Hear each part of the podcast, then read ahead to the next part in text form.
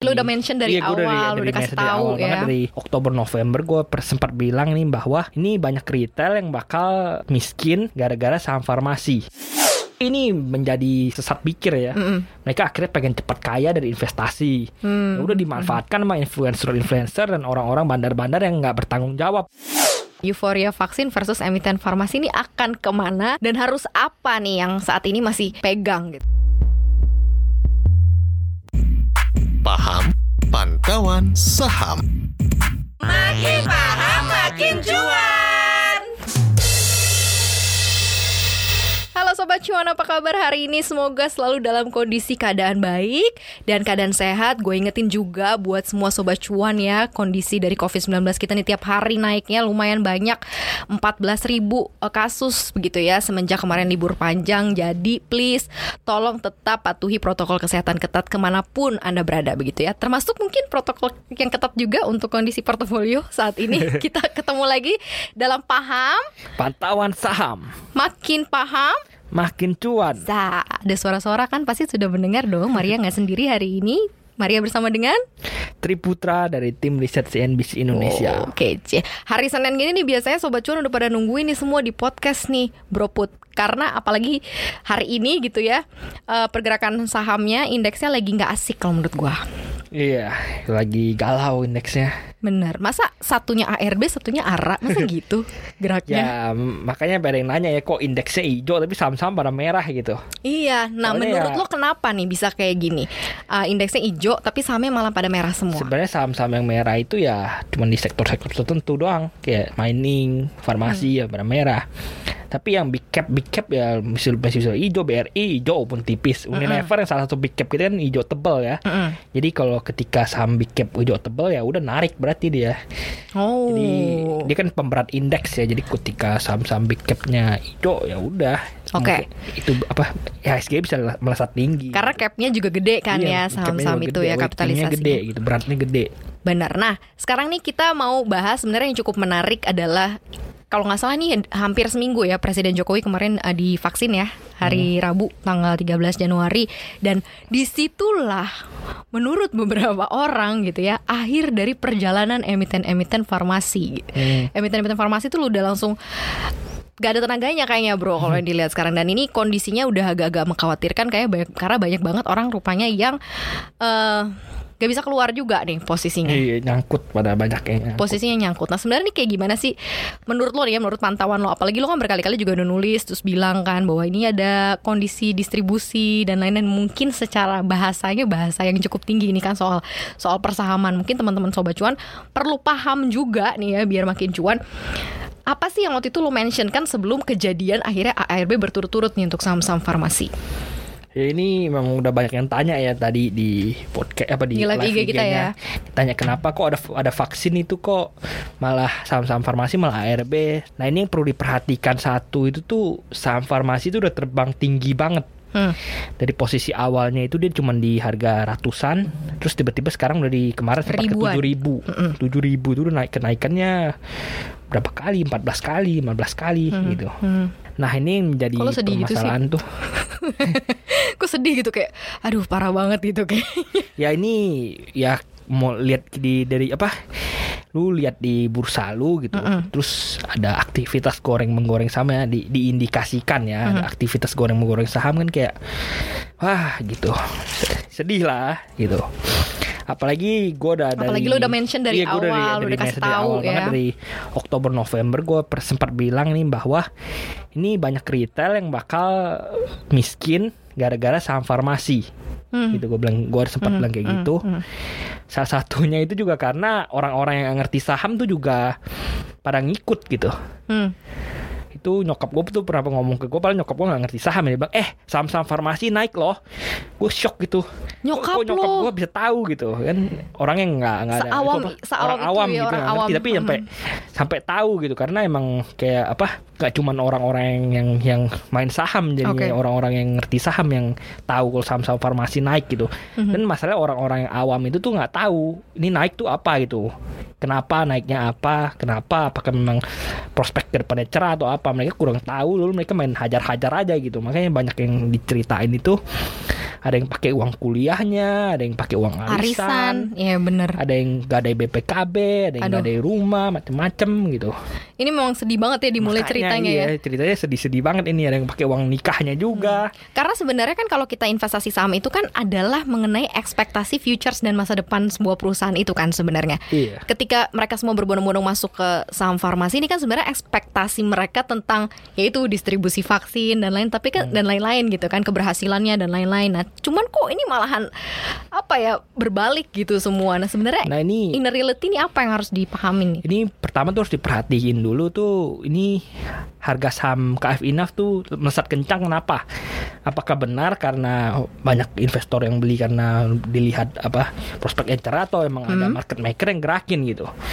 Nah di saham KF Inaf itu salah satunya itu emang dari dari dulu tuh terkenal ya para pelaku pasar tuh kenal terkenal kalau ada market maker yang gerakin gitu. Hmm. Jadi kalau secara historikalnya udah kayak gitu ya. historikalnya udah kayak gitu. Ini KF Inaf bukan cuma sekali melesat kencang tuh dibanting kayak gitu. Dulu juga sering. Inaf Hmm. tuh dulu udah pernah juga kayak gitu. Makanya baru-baru ini tembus all time high kan. Iya, iya, iya. Baru-baru ini karena sebelumnya pernah digoreng ke area situ juga habis itu dibanting gitu. Hmm. Sekarang dengan kondisi yang udah kejadian kayak gini nih, berapa empat, empat hari ya ARB? 4 hari udah ARB. Berarti kalau misalnya satu kali batas bawah ARB kan 7 7 persen Iya. kan, 28 persenan berarti kan, Iya sekitar 28% give or take lah. dengan ratusan persen ARA yang udah dicetak sama Iya. saham-saham ini ya. Nah ini jadi satu lagi nih harus diperhatiin sama para investor ini kan lu kan kalau kayak gini kan posisi lu nggak bisa keluar ya. Ya, posisi lu nggak bisa keluar berarti ya udah lu terpaksa kosalnya memang lu mau nekat ya besok berarti lu jual di harga arah ya kalau pengen keluar ya eh jual di harga oh. ARB ya kalau pengen keluar gue ya. nanya emang besok ada potensi auto reject Jakarta? nah kosalnya tapi misalnya bandarnya angkat kan bes, bes- kemungkinan besar besok pagi itu bakal anjlok Maksud lo akan ada lagi kemungkinan auto reject bawah lagi? apa ya kemungkinan besar besok pagi pasti anj- kemungkinan besar anjlok gitu karena hari ini anjlok gitu. Kalaupun misalnya bandar mau angkat lagi nggak mungkin bandar pagi-pagi langsung angkat dibiarin anjlok dulu.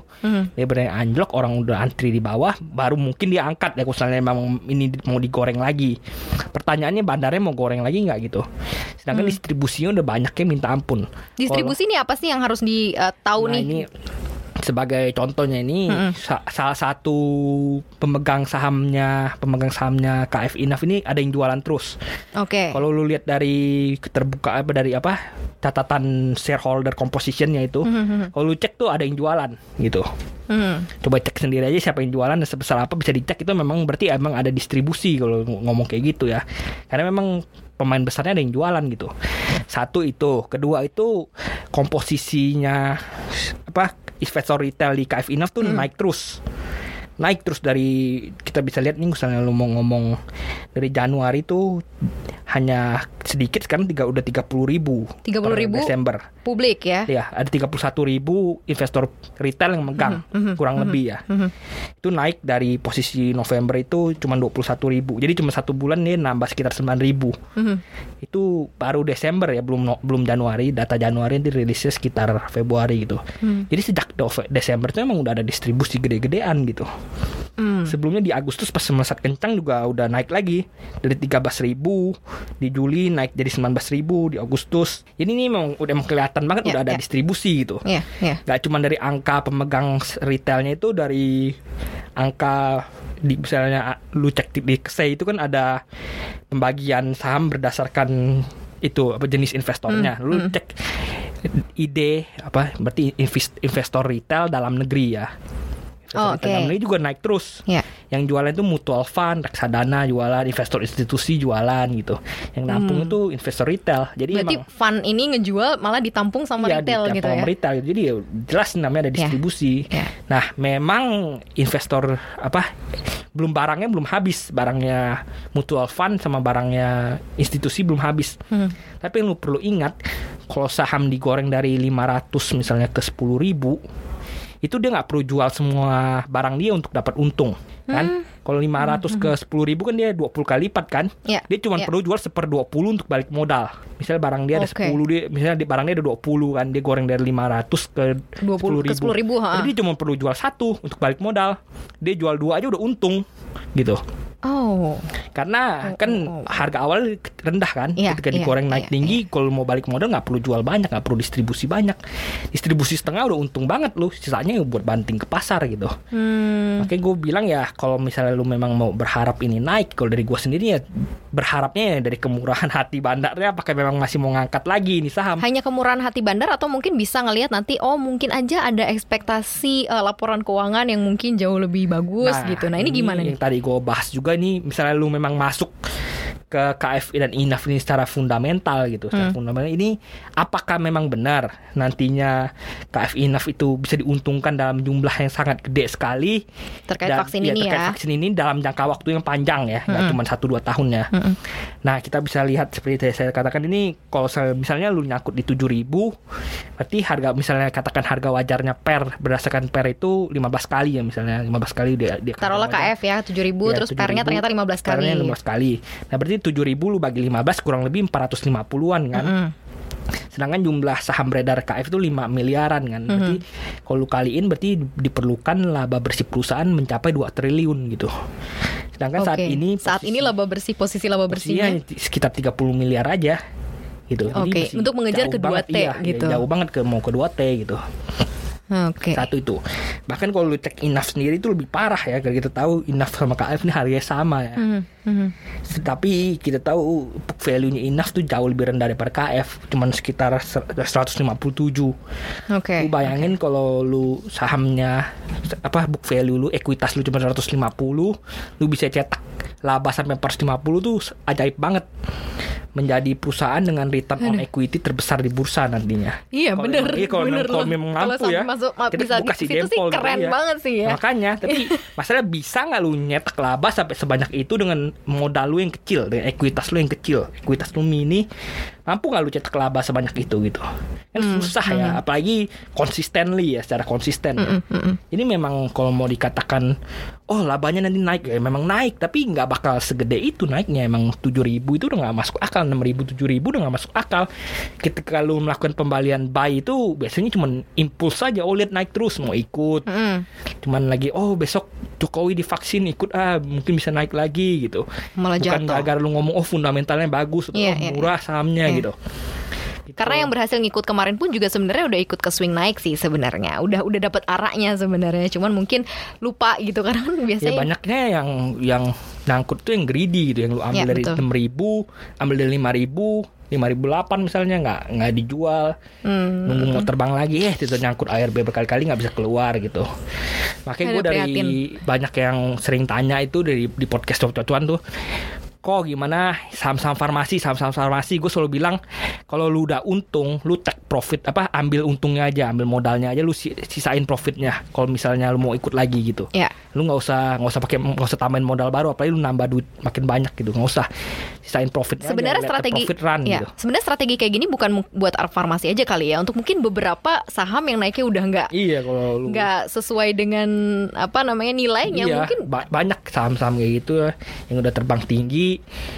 karena ekspektasi investor ya. Me- Memang ada beberapa yang ekspektasinya udah apa bisa bisa dikatakan masih bisa wajar ya gitu.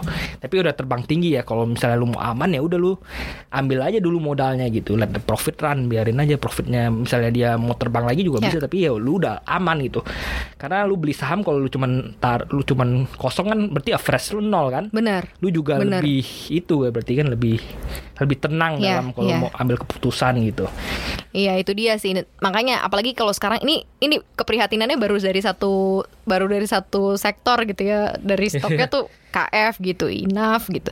Eh, belum lagi IRA Bukan, nih iya, ada iya. lagi nih farmasi. Ini kayak gimana nih, Bro? Karena IRA Kalau- juga sampai sekarang masih banyak masih juga. ARB juga ya. Masih Ira. ARB juga. Dan bahkan itu udah jelas banget satu tuh GCG-nya bermasalah ya. Mm-mm. Dia sempat masukin keuntungan dari saham treasury dimasukin ke la- laba bersihnya Iya, itu kan nggak iya, boleh kan iya. kayak gitu. Terus kedua nih memang ada distribusi nyata banget. Ternyata perusahaannya udah mulai jual saham laba saham treasury-nya Hmm. udah mulai dijual sama dia. Sebelumnya itu 7% sekarang hanya di, berada sekitar 6% ya atau 5%. Apa yang terjadi jika sebuah perusahaan ini dia sudah mulai menjual eh, saham treasury-nya nih? Nasib investor seperti apa kalau harus menghadapi perusahaan yang seperti ini? Ya berarti emang dianya yang narik, dianya yang udah mau distribusi gitu. Oke. Jadi dia naik ke atas sekarang udah dia udah rasa udah puas ya udah tinggal jual-jual aja. Dijual-jualin Nampung aja. gitu. Kalau lu nampung ya kemungkinan besar lu rugi gitu. Hmm.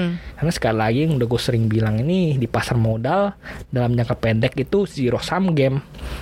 Artinya nggak nggak bakal ada yang bisa untung kalau nggak ada yang rugi gitu. Nggak ada teman lah ya di antara trader ya lu sama Iya. gua musuh lah ya Iya, gitu ya. Ya makanya ini dari banyak yang cerita banyak influencer yang suka pom pom pom pom gitu. Nah itu lu harus tanya ke diri lu. Kenapa dia mau pom pom? Kenapa dia mau bantu gua dikasih tahu gue sama apa Iya. yang naik terlepas dari sahamnya naik atau enggak ya? Kenapa Mm. gitu? Karena dia mau jualan sebenarnya pertanyaan yang jawabannya gampang banget karena dia butuh orang supaya buat Ada yang barang dia nampung, gitu. iya.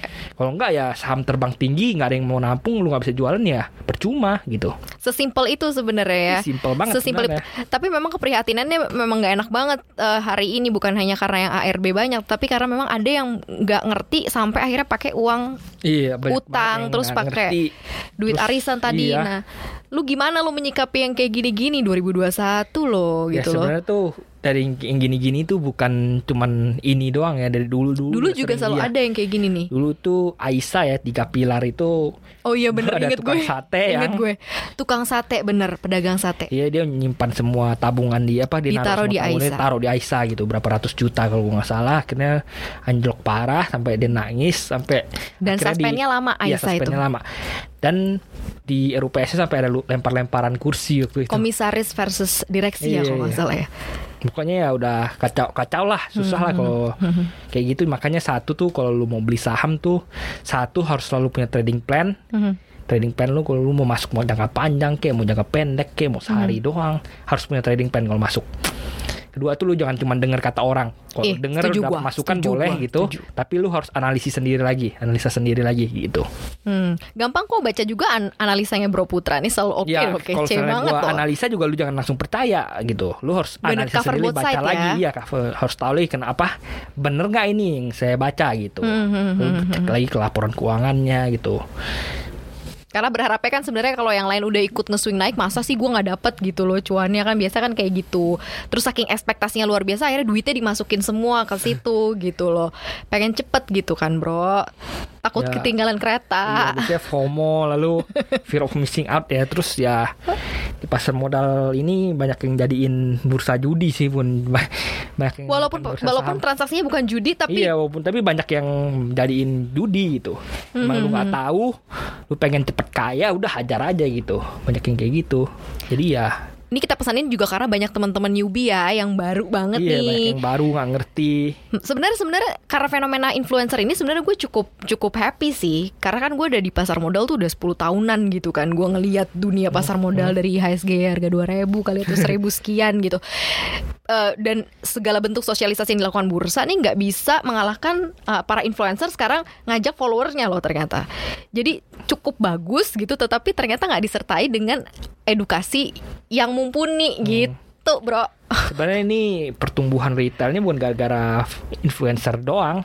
Sebenarnya ini influencer-influencer ini yang me- mengambil untung dari pertumbuhan Ya, yang ya, gede ya, ini. ya. Nah dari pertumbuhan gede itu sebenarnya itu gara-gara orang banyak nyangkut di rumah ya gara-gara corona ya kemarin 2020 WFH ya. iya WFH. Orang pada nggak bisa ke mana-mana ya udah akhirnya trading saham atau apa Mm. bikin account saham terus denger apa kan berita di mana-mana oh IHSG anjlok IHSG anjlok ya udahlah mau ikut investasi. Dan investasi di kalangan anak muda emang lagi hype-hype bener gitu. bener. Lagi hype buat investasi wah investasi keren gitu. Investasi keren saham bisa, gitu ya. apa namanya itu free free financial free financial freedom, financial freedom. oke lu bisa nggak usah kerja lagi gitu tinggal terima uang Kagak dari lah. bunga atau dividen atau apa kan harapannya Nggak. anak muda kayak gitu kan kayak gitu kan investasi bukan untuk bener-bener nggak usah kerja lagi sih sebenarnya kalau menurut gue iya makanya tapi nggak apa tujuan orang bisa beda-beda Bener, selalu bener, mau, bener. selalu lu sukses kayak gitu lu punya uang banyak lu nggak mau kerja lagi lu taruh di saham yang Iya. menghasilkan dividen besar juga bisa gitu tapi ini menjadi salah pikir ya sesat pikir ya mereka akhirnya pengen cepat kaya dari investasi. Ya udah dimanfaatkan sama influencer-influencer dan orang-orang bandar-bandar yang nggak bertanggung jawab gitu ditawarin oh ini saham melesat tinggi ayo Hmm. Bener, ayo bener. di sini tabung di sini apa beliin di saham ini gitu akhirnya ya banyak yang nyangkut banyak yang rugi gitu Sayang banget kasihan. Soalnya kalau nggak dapat informasi di CNBC sebenarnya kalau teman-teman sobat cuan tuh pengen tahu buka aja sebenarnya sih di websitenya Bursa Efek itu kan keterbu- keterbukaan informasinya Iya, tuh kan gila tuh banget dia- gitu. Dia tetap harus terbit ada ada terbitin keterbukaan informasi mengenai semua emiten. Emiten ada ini harus lapor ke bursa ada keterbukaan informasinya gitu. baca gitu ya. Nah nih bro, sebelum kita nanti jawab nih kan karena pertanyaannya banyak banget. Tadi kan kita Instagram live nih sebelumnya. Sekarang buat lo uh, untuk site-nya di emiten farmasi ini gimana gitu? Euforia vaksin versus emiten farmasi ini akan ke mana dan harus apa nih yang saat ini masih pegang gitu? Solusi lu kayak gimana? Ya ini untuk emiten farmasi ini emang jelas ya berarti ada buy on rumors and on news ya. Jadi ketika emang Jokowi disuntik itu ya udah oh, apa orang-orang pada jualan semua gitu. Termasuk bandar-bandar jadi harganya ambruk. Dan dari sebelum ini bulan ini juga saya udah katakan kemungkinan besar bakal sekali lagi digoreng ketika vaksinasi massal gitu. Ketika dimulainya vaksinasi massal. Di podcast Cuan sebelumnya udah berkali-kali saya Ya. katakan itu kemungkinan bakal digoreng sekali lagi. Nah itu jadi kemungkinan ini mungkin ini yang terakhir ya tapi kita tentu saja misalnya bandarnya pengen distribusi lagi atau mungkin mungkin ambil untung lebih gede lagi ada kemungkinan buat naik lagi gitu. tapi tapi kemungkinannya kecil lah saya katakan gitu nah dari sekarang posisi sekarang ini tuh ada kemungkinan anjlok dulu ke zona southwestnya yang kemarin gitu jadi ada fresh demand zone di area 4250 KF ya ini? Ini Berarti- KF dan INAF KF dan INAF, oke. Jadi ada potensi mantul di sekitar sana gitu. Hmm, Jadi ketika ini sahamnya po- biasanya kayak gini, misalnya sahamnya anjlok anjlok anjlok kan, Hmm. biasanya kalau market makernya mau apa hidupin lagi, misalnya dia mau distribusi terakhir-terakhir kalinya walaupun distribusinya bukan ke atas lagi tapi distribusi ke bawah, Ke bawah? dia biasanya bakal tarik lagi. Misalnya tiba-tiba sahamnya lagi anjlok, misalnya 7%, 6%, dia tuh ditarik sampai plus 10 gitu. Hmm, hmm, Jadi ketika plus 10 orang-orang bakal euforia lagi beli-beli yang tadinya nyangkut bakal fresh down lagi gitu. Kalau saran saya ketika udah anjlok-anjlok-anjlok lalu kita arah apa melesat maupun maupun arah atau nggak arah mending jual aja gitu. Mending cut loss. Oke, ini langsung ya terakhir ya, mending cut loss. Ya, Jadi cut loss karena potensi turunnya lebih Iya. gede daripada potensi naik gitu. ya benar. Ada ada kalau misalnya lu misalnya lu lu udah apa tampung dari bawah misalnya dari 4000 3000 ya udah kalaupun kalaupun lu mau ngikut lagi ya Hmm. udah lu sisain aja cuannya gitu nggak usah semuanya lu sisain gitu Karena ARB tuh menunggu momen buat cut loss aja nggak bisa kalau udah ARB Iya, tuh kalau gimana sekarang coba? ARB aja lu nggak bisa cut loss gitu Iya. ya susah Itu yang tapi susah. misalnya lu di 4250 anjlok terus dia bisa potensi ke 3300 Kemungkinan suspend ada nggak sih kalau dengan gerak yang kayak gini? Ini kalau salah ARB karena dibatasin ya, jadi kemungkinan kecil terjadi suspensi gitu karena dibatasin Hmm. Oke. sebelumnya kan 25%. Sekarang di lu ARB dua minggu berturut-turut juga belum tentu bursa suspend. Kalau suspend Gila, juga dua percuma. minggu berturut-turut itu mah udah berapa? Habis kali ARB ARB. cuma lima kali, lima kali tujuh, cuma 30 35 persen. Tambah lagi 5 kali 7 bro, 60 persen. Oh iya 60 persen. Tapi Iya. kalau zaman dulu tuh ARB bisa 4 kali berturut-turut 25 persen. Habis lah. semua makanya Habis. kayak gitu. Cep- lebih cepet, lebih mengerikan biasanya kalau kalau dulu ya. Oke, ini berangkat dari eh, kejadian yang terjadi di emiten farmasi gitu kan mungkin ada sobat cuan yang lihat beberapa saham yang juga kenaikannya sebenarnya udah irasional juga, yang udah naiknya juga mungkin di luar dari nilai intrinsik yang tadi lu mention juga gitu ya. Irasional ira ya. Ira dong. Tapi nggak cuma Ira. Misalnya ada nih, ada pertanyaan juga dari Kelvin Agung nih. Kalau Bris gimana kok? Terus juga ini ada yang nanya Bris, Bris juga nih eh, Adityo nih, at Adityo ini juga nanyain soal Bris. Lumayan banyak sih, karena kan kita tahu ya Bris karena ada fenomena konsolidasi eh, syariah bank nih menjadi eh, pilihan juga gitu.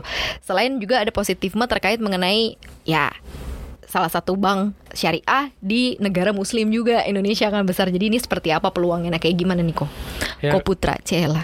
Kosannya gue jadi ikut kok kok kok ayo mau Gak usah panggil lu. Masa panggil gue Cici? Jadi kayak glodok kita ya. Lanjut bro Jadi kalau selalu mau ngomong bris itu sebenarnya tergolong mahal juga karena kan udah divaluasi kan valuasi wajar itu cuma 700 800-an doang gitu.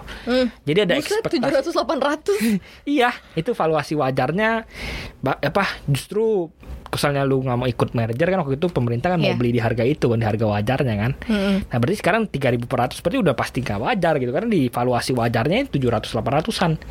Tapi catatan itu 700 800 kan valuasinya BRIS sebelum merger Mm-hmm. Iya, gitu. Jadi iya. setelah merger tentunya ada perbaikan dong gitu. Ah, Nantinya kan akan jadi bank syariah terbesar di Indonesia gitu. Tapi apakah memang senilai itu 4.000 3.000-an gitu, Mm-hmm. 3.400?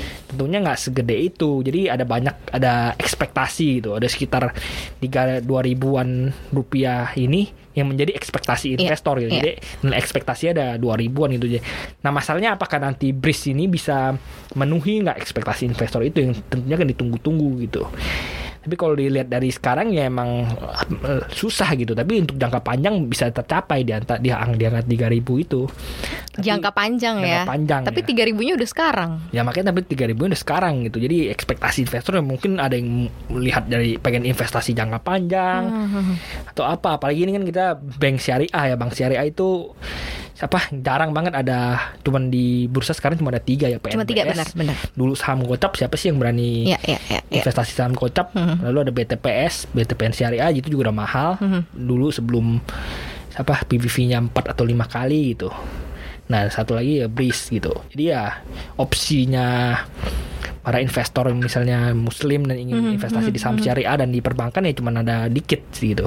Dan akhirnya semua mengerucut lah ya ke yang besar di- ini. Iya, kira mengerucut ke situ gitu. Jadi harga evaluasinya mau udah terbang tinggi banget gitu.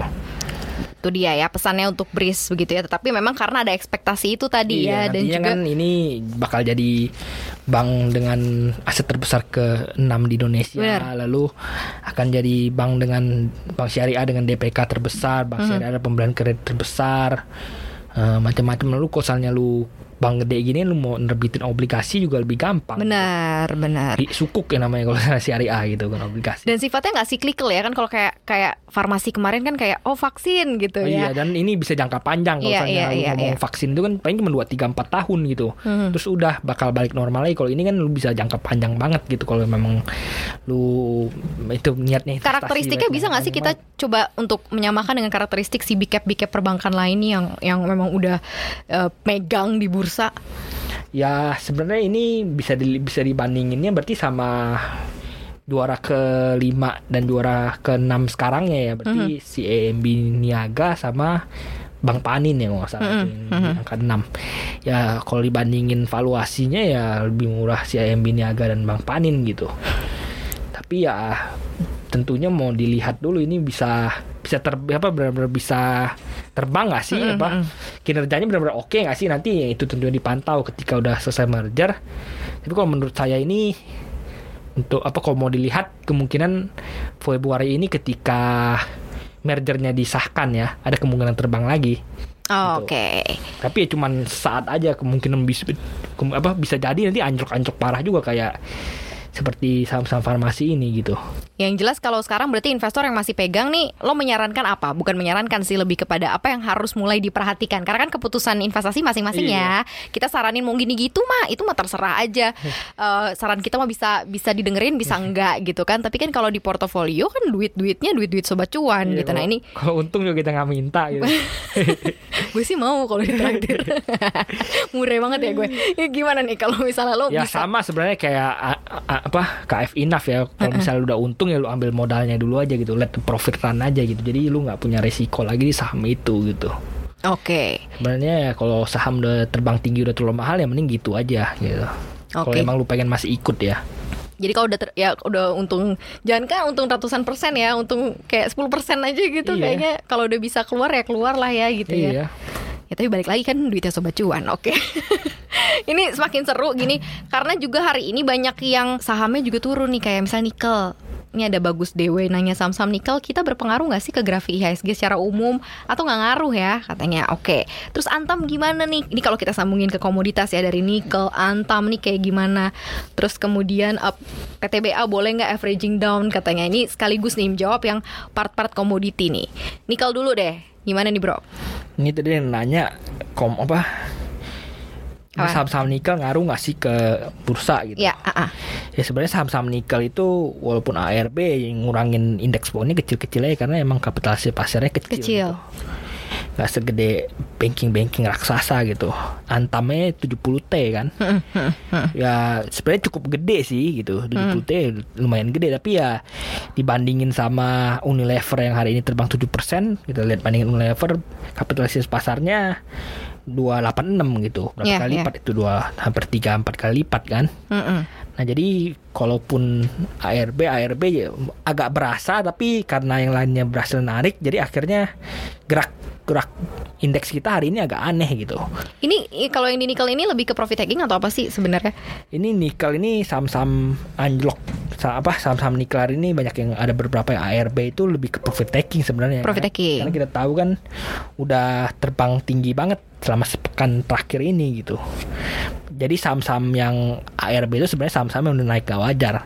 Saham-saham nikel lain yang cuman koreksi tipis itu gara-gara kena sentimen. Oh hari ini nikel anjlok. Mm-mm. Si investor pada jual gitu. Ada ada saham-saham nikel lain itu kayak DKFT, Pure itu koreksinya tipis-tipis Ini aja gitu. sifatnya temporary atau eh, apa yang lo lihat?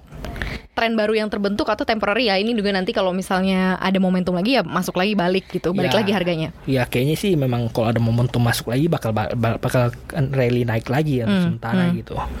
Tapi ya kita lihat ini misalnya saham-saham nikel ini masih panjang lah Hmm, apa, oke. Sentimennya masih panjang karena kita tahu ke depannya EV baterai ini dan mobil listrik ini akan jadi tren gitu, tren otomotif baru gitu. Hmm, jadi lumayan menguntungkan untuk yang memang punya nikel ya kayak misalnya eh, Antam gitu ya, Entah Inco gitu ya. Tins gitu-gitu. Ini pas banget nih karena lagi pada nanya soal an- Antam, Inco, Tin. Ini tadi udah dijawab ya kurang lebih kalau dari sisi sentimennya masih agak panjang gitu. Kalau sekarang nih karena profit taking semata saja. Terus eh, SWF, SWF, Sovereign Wealth Fund. Ini juga apakah ini juga gambaran investor sekarang sudah mulai masuk ke konstruksi katanya karena kita melihat kayaknya sudah ada eh, gairah-gairah gitu. Ya ini konstruksi emang beberapa hari ini melesat kencang mulu ya. Dan sama mirip seperti nikel apa saham-saham nikel ini saham-saham konstruksi itu juga memang panjang sentimennya. Gitu. Jadi dengan ada SWF ini nantinya pemerintah punya opsi lain untuk bangun infrastruktur. Ya. lalu nantinya bakal banyak dana-dana asing yang masuk ke Indonesia dari ke sektor real. Hmm, Tentu saja yang untung salah satunya pasti konstruksi gitu. Bangun-bangun ini itu konstruksi yang bakal untung. Jadi untuk jangka panjang sebenarnya masih apa sentimennya masih untuk sentimen jangka panjang gitu masih oke. Si gitu. konstruksi ini. Iya. Dan dalam pekan-pekan ke depan ini sebentar lagi kan sebentar lagi bakal diumumin ya. Mm-mm. Itu apa detail-detailnya SWF ini bagaimana ya. Saja ketika diumumin ada se- pada harinya atau sehari sebelumnya itu ada kemungkinan melesat lagi gitu. Mana uh, emiten karya konstruksi yang menurut lu bakalan lumayan uh, dapat peluang nih? Atau akan rata Kalau- aja kuenya? Kalau yang paling murah, misalnya ngomong sahamnya ya, kalau soal ngomong sahamnya itu yang paling murah itu sekarang Adikarya gitu. Adi, Nah jadi bukan WSBP ya? bukan SBP.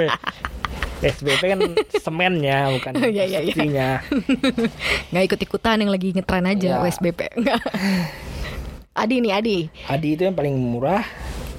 Tapi yang menarik untuk dilihat itu yang market capnya paling gede itu tuh was apa Waskitanya. waskitanya, Waskitanya. yang, Oke. yang, yang bakal banyak dapat proyek dibandingkan dengan yang lain itu bakal waskitanya karena market capnya dan ekuitasnya gue paling gede gitu.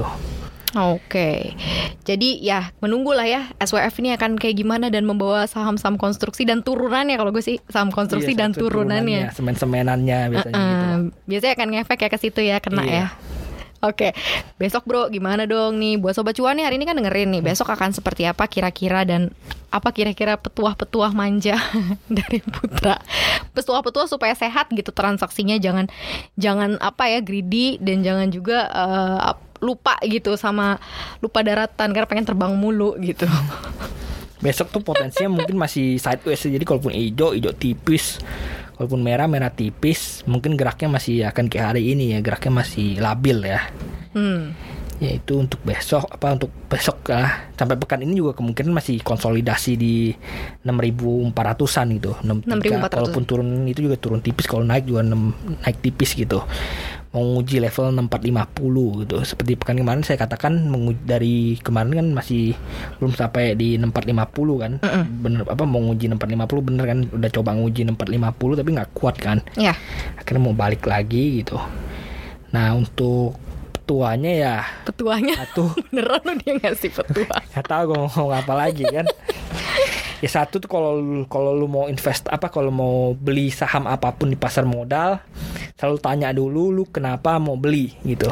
Tanya ke diri sendiri Tanya ke ya. diri sendiri Oke. kenapa mau beli kap apa kapan mau jual apa apa jadi time time horizon lu investasi itu kapan gitu jadi lu jangan gara-gara ikut-ikut orang gara-gara lu ada yang pom-pomin lu jadi mau ikut gitu karena itu ketika kayak gitu lu nggak punya plan lu ngikut-ngikut orang ya udah potensi nyangkut lu gede banget gitu Itulah petuahnya untuk hari Senin ini ya. Hari Senin kelabu soalnya kasihan gitu ya pergerakan IHSG-nya lagi nggak asik juga. Terima kasih banyak ya Sobat Cuan ya udah dengerin podcast cuap-cuap cuan hari ini. Jangan lupa juga dengerin podcast cuap-cuap cuan setiap hari Senin, Selasa, Rabu, skip Kamis, Jumat. Jadi Senin, Selasa, Rabu, Jumat gitu ya. Kita akan kasih semua tema-tema yang menarik pastinya. Dan Sobat-Sobat Cuan juga bisa mendengarkannya langsung di Spotify, Apple Podcast, dan juga Google Podcast pastinya. Thank you so much ya. Semoga selalu dilindungi pastinya kesehatannya dan pasti juga selalu cuan itu sih harapannya. Maria Katarina, saya Triputra sign out. Bye. bye bye